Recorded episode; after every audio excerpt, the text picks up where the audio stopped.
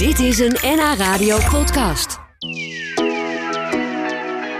Stel je eens voor dat je weer 16 jaar oud bent. En dat je dan een half jaar lang niet naar school hoeft, maar dat je les krijgt op een zeilschip, een tolship.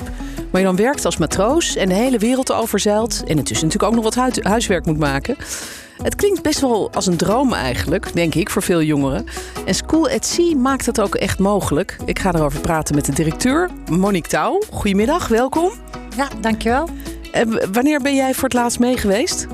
Uh, nou, afgelopen winter was het nog even niet zo'n goed plan uh, met alle COVID-maatregelen om dan van buiten weer in te vliegen als het niet nodig was. Ja. Dus de laatste keer dat ik mee was, was 1920, voordat uh, de boel dicht ging vanwege COVID. Oh, Ja, ja, ja. Ja. Dus eh, twee jaar geleden zo'n beetje. Ja. ja. Ja. Ehm, en in de studio zijn ook Lilia en Saartje. Die hebben dit avontuur zelf net meegemaakt. Want jullie zijn in april volgens mij teruggekomen van jullie reizen. Zijn, zijn jullie alweer een beetje geland, om het maar zo te zeggen? Gewend aan het leven op het vasteland? Ehm, ja, wel aardig. Het is, eh, ik vond de eerste weken vond ik het wel heel raar. Is het echt heel erg wennen, maar ik denk nu dat je wel op een punt zit dat wel weer redelijk normaal is. Maar er zijn altijd wel momenten dat je denkt van, oh, twee maanden geleden zat ik nog eh, daar. ja, ja. ja. ja, dat kan me voorstellen. Het is zo intens geweest. Kan ik, denk ik.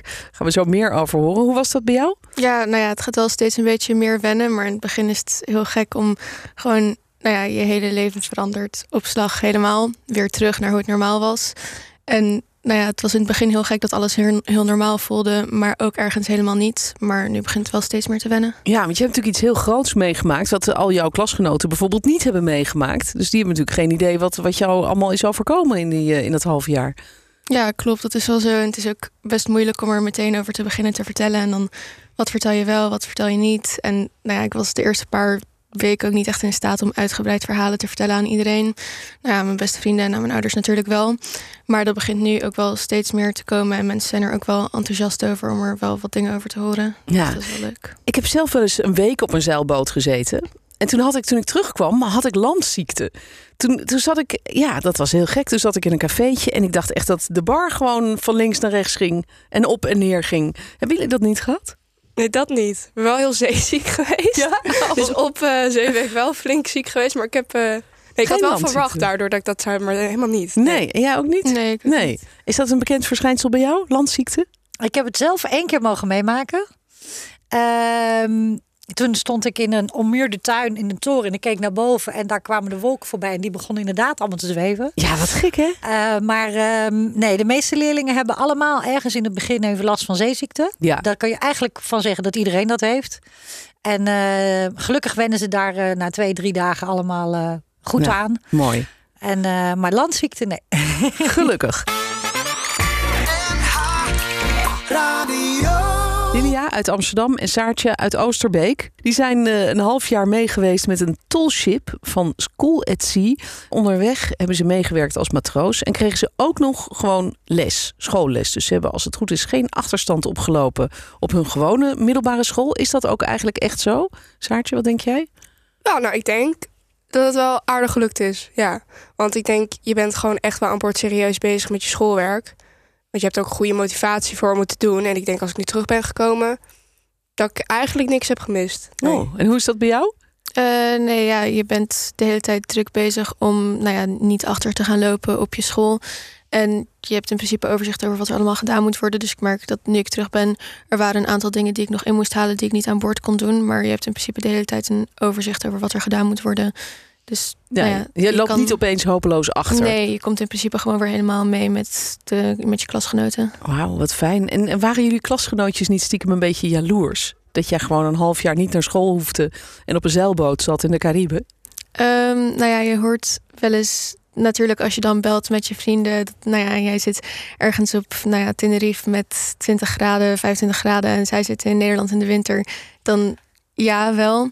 Maar ik denk, het is ook niet, niet iedereen zou het willen doen. Ik had dan ook vrienden die zeiden van, wauw, echt heel leuk dat je het gaat doen. Maar nou ja, ik denk niet dat het iets voor mij zou zijn. Dus nou ja, verschilt wel. Ja, wat moet je daarvoor in huis hebben, denk je? Wat voor iemand moet je zijn om dit, om dit avontuur aan te gaan? Eh, ja, je moet ten eerste gewoon heel gemotiveerd zijn. Je moet er wel echt 100% voor gaan. En ik denk dat je dat je ook bereid moet zijn om je ook in te zetten voor de groep. Dat je niet alleen daar bent voor je eigen ontwikkeling, maar dat je ook heel erg nadenkt over. Ik ben hier met een groep en ik moet ook aan de anderen denken. Je moet goede zeebenen hebben. Ja, nee, dat is geen vereiste. het is niet erg als je een beetje misselijk in een hoekje Nee, gaat liggen nee. in het begin. nee, dit wordt allemaal mo- mogelijk gemaakt door School at Sea. En de directeur daarvan en oprichter is Monique Touw uit Amsterdam. En die is hier ook vandaag. Eh, hoe, hoe is dat ooit begonnen? Hoe ontstond? Want Het is ook jouw idee geweest dus. Ja, we hebben. eh zeilen is voor mij een, eh, een uit de hand gegroeide hobby. Ik ben ooit op mijn zesde begonnen. En eh om mijn veertiende gaan lesgeven. Ehm, en ehm, toen werden de boten langzaam groter. En toen ik zo aan het einde van mijn studie personeelwetenschappen was, eh, bedacht ik samen met een eh, mede-instructrice van: Goh, wat is onze volgende stap? En toen bedachten we dat we de oceaan over wilden zeilen. En eh, dat hebben we gedaan, allebei. Zij twee keer en ik toen één keer. En eh, dat was na mijn studie. En eh, toen ik daarna terugging naar de universiteit om met mijn promotieonderzoek te starten, toen ehm, gedurende dat half jaar realiseerde ik me dat ik mezelf op zo'n andere manier had leren kennen dan daarvoor. Terwijl ik eh, les had gegeven op een zeilschool en instructeursopleiding verzorgde daar. En nou, allemaal dat soort dingen al gedaan had, ontdekte ik toch op het toolship andere talenten en kwaliteiten bij mezelf. Ja. En ehm, eh, dat ging wringen met mijn promotieonderzoek. Want ik dacht, ja, ik wil meer met mensen werken. Ik wil meer eh, die, die kant van mezelf ook kunnen laten zien. Dus toen eh, ben ik eerst gestart bij de Baak, managementcentrum van VNO-NCW. En ehm, eh, in de zomer toen ehm, weer gaan zeilen. Weer terug op dat tolship waar ik eerder op gezeild had. Ja. En toen werd ik eh, door die kapitein gevraagd om, eh, om mijn papieren te gaan halen, zodat ik vast de stuurman daar kon gaan afwisselen. Oh ja. En toen, ehm, ja, om dan je bevoegdheid te krijgen, moet je vaartijd opdoen. Oh ja. ja. Dus ik, eh Dus ik bent veel naar, gaan eh, varen. ja, ik naar Harry toe en gezegd van joh, ik moet nu een jaar verlof nemen, want anders kan ik eh, mijn vaartijd niet halen. Nou, zo gezegd, zo gedaan. En ja, ik was toen helemaal gewoon op mijn plek. Ja. En, En wat was het moment, toen heb je bedacht dus om, om zoiets op te zetten waar scholieren aan mee kunnen doen. Wa- wa- Wat is, is jouw gedachte daarbij? Je hebt het zelf dus eigenlijk gedaan nadat je Ja. al, ges- al gestudeerd had. Nou, waar ik, ehm, wat ik mij realiseerde was eigenlijk dat ik. Dat het een beetje jammer was dat ik die ontdekkingstocht deed. toen ik al klaar was met mijn studie. Ja. Want als je Ja. dat dus jonger doet, dan kun je, weet je veel beter wie je bent al. En eh, waar, waar je talenten liggen, waar je interesses liggen. En dan maak je ook andere keuzes over welke studie je gaat doen. Ja, dus dat kun je veel beter voor je studie doen dan, Ja. dan daarna. Ja. Dat is het idee. Dus scholieren van 16 die varen mee. Eh, die beginnen Ja. dan al wat eerder, want je moet een hele selectieprocedure door. Eh, hoe, hoe werkt dat eigenlijk? Nou, wat we eh vond zo leuk, Saartje, dat jij dat net ook al eh, zei, is van je moet gemotiveerd zijn. Hè, de uh, School at Sea is not a walk in the park. Het is geen cruise. Eh, ze gaan echt zelf leren het schip te varen. Eh, ze gaan enorme expedities ook ondernemen. Dus ik geloof dat er iets van zes vrije middagen in zit in het hele programma. Dat ze echt vrij zijn en niks aan het doen zijn. Ach, hebben jullie in een half jaar tijd maar zes vrije middagen gehad?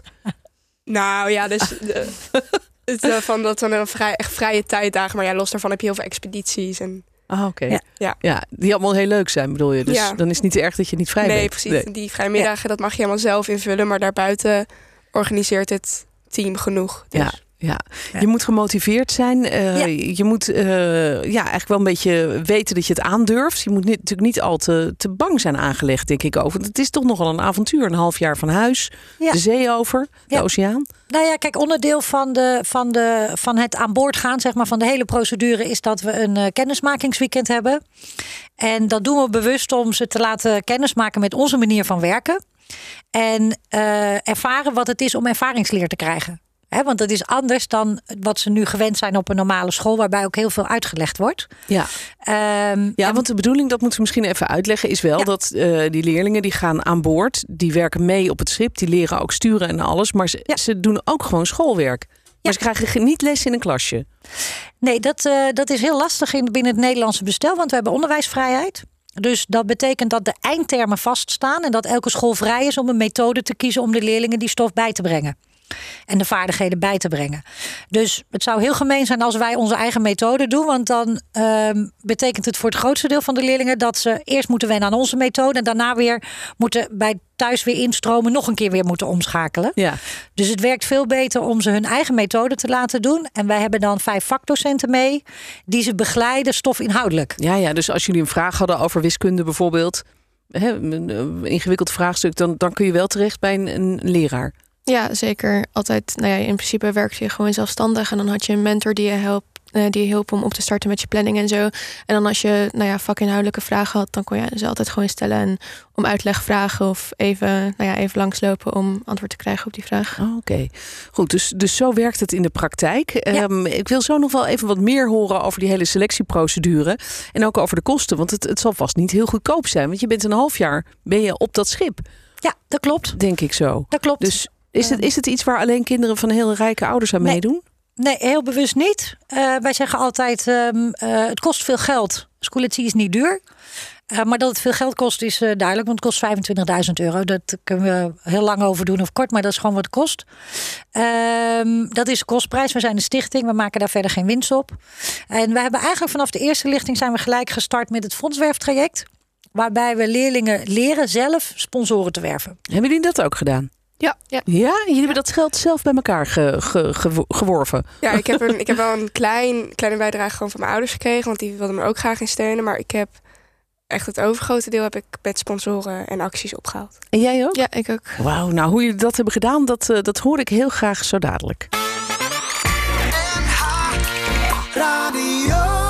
Ehm, maar je moet ook goed zijn in geld inzamelen. Want we hadden het er net over. Het kost 25.000 euro. En dat geld is niet de bedoeling dat je ouders dat gewoon betalen.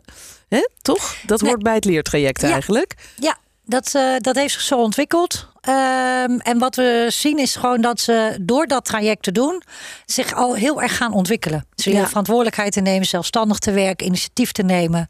Maar dan is het Ehm. best wel 25.000 euro om dat bij elkaar te sprokkelen, in te zamelen, fondsen te werven. Hoe heb jij dat gedaan bijvoorbeeld? Ehm? Het, nou ja, het zat hem vooral in goed een plan maken en eh, doelen stellen, zonder doelen voor jezelf stellen. Ehm, wanneer wil ik nou ja, zoveel bij elkaar hebben? En dan een, nou ja, het in kleinere stukjes opbreken van... oké, ik wil zoveel bedrijfssponsoren weten te werven. Ik ga mijn eigen netwerk allemaal benaderen. ehm, acties opzetten. En je was nog 14 zo'n beetje toen je daaraan begon. Eh, ja, 15. Ja? Ja. Wauw. Maar nou ja, iedereen heeft zijn eigen acties en iedereen doet het op zijn eigen manier, aansluitend op zijn eigen talenten. Ehm, ik heb zelf een, nou ja, een hele hoop bedrijfssponsor, nou ja, bedrijven benaderd en ik heb een aantal bedrijfssponsoren. Ik heb ook heel veel acties opgezet. Ik denk dat ik in totaal, nou ja, in het jaar voor Schooltie duizend brownies heb verkocht op school met Koningsdag aan vrienden. Dus nou ja, iedereen heeft zo zijn eigen acties en Wat gebruikt zijn eigen talenten om het voor elkaar te krijgen. Wat voor talent heb jij ingezet, Saartje?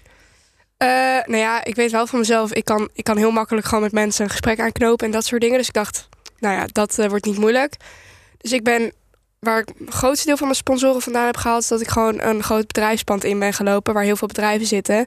En maar gewoon op deuren ben gaan kloppen. Echt? En dan kwam ik daar met een kaartje met mijn informatie erop. En dan kan ik een verhaal vertellen. En dan zou er als, alsjeblieft even naar willen kijken. En dan had je het achter. En ja, soms eh, ontvang je dan een mail. Soms stuur je er zelf nog een mail achteraan. En dan langzamerhand reageren mensen. En ja, zo Ja. kom je aan sponsoren. Nou, jullie kunnen in elk geval de sales in en in de marketing. Dat, dat is alvast geen probleem.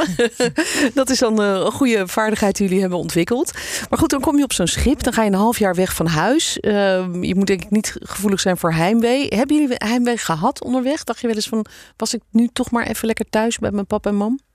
Ehm, ik zou wel zeggen dat ik heimwee heb gehad, maar het was een ander soort heimwee dan ik me van tevoren voor had gesteld. Het was niet zoiets van, oh, ik zou heel graag thuis willen zijn en ik mis thuis heel erg. Maar op een gegeven moment ga je gewoon nou ja, missen om even een gesprek met je moeder te kunnen hebben of even een knuffel van iemand. En gewoon wat kleine dingetjes en kleine momentjes en herinneringen. Maar je wordt zo opgezogen in nou ja, het leven aan boord en zo, dat het, het grootste deel van de tijd ben je daar gewoon en leef je daar. En Ben je ook druk natuurlijk, Ja. want je bent en matroos en je bent eh, gewoon aan het leren voor school. En je zit met een groep van zo'n beetje 36 eh, jonge mensen. Dus het is ook heel gezellig, stel ik me zo voor. Ja, er zijn zeker wel heel veel gezellige momenten.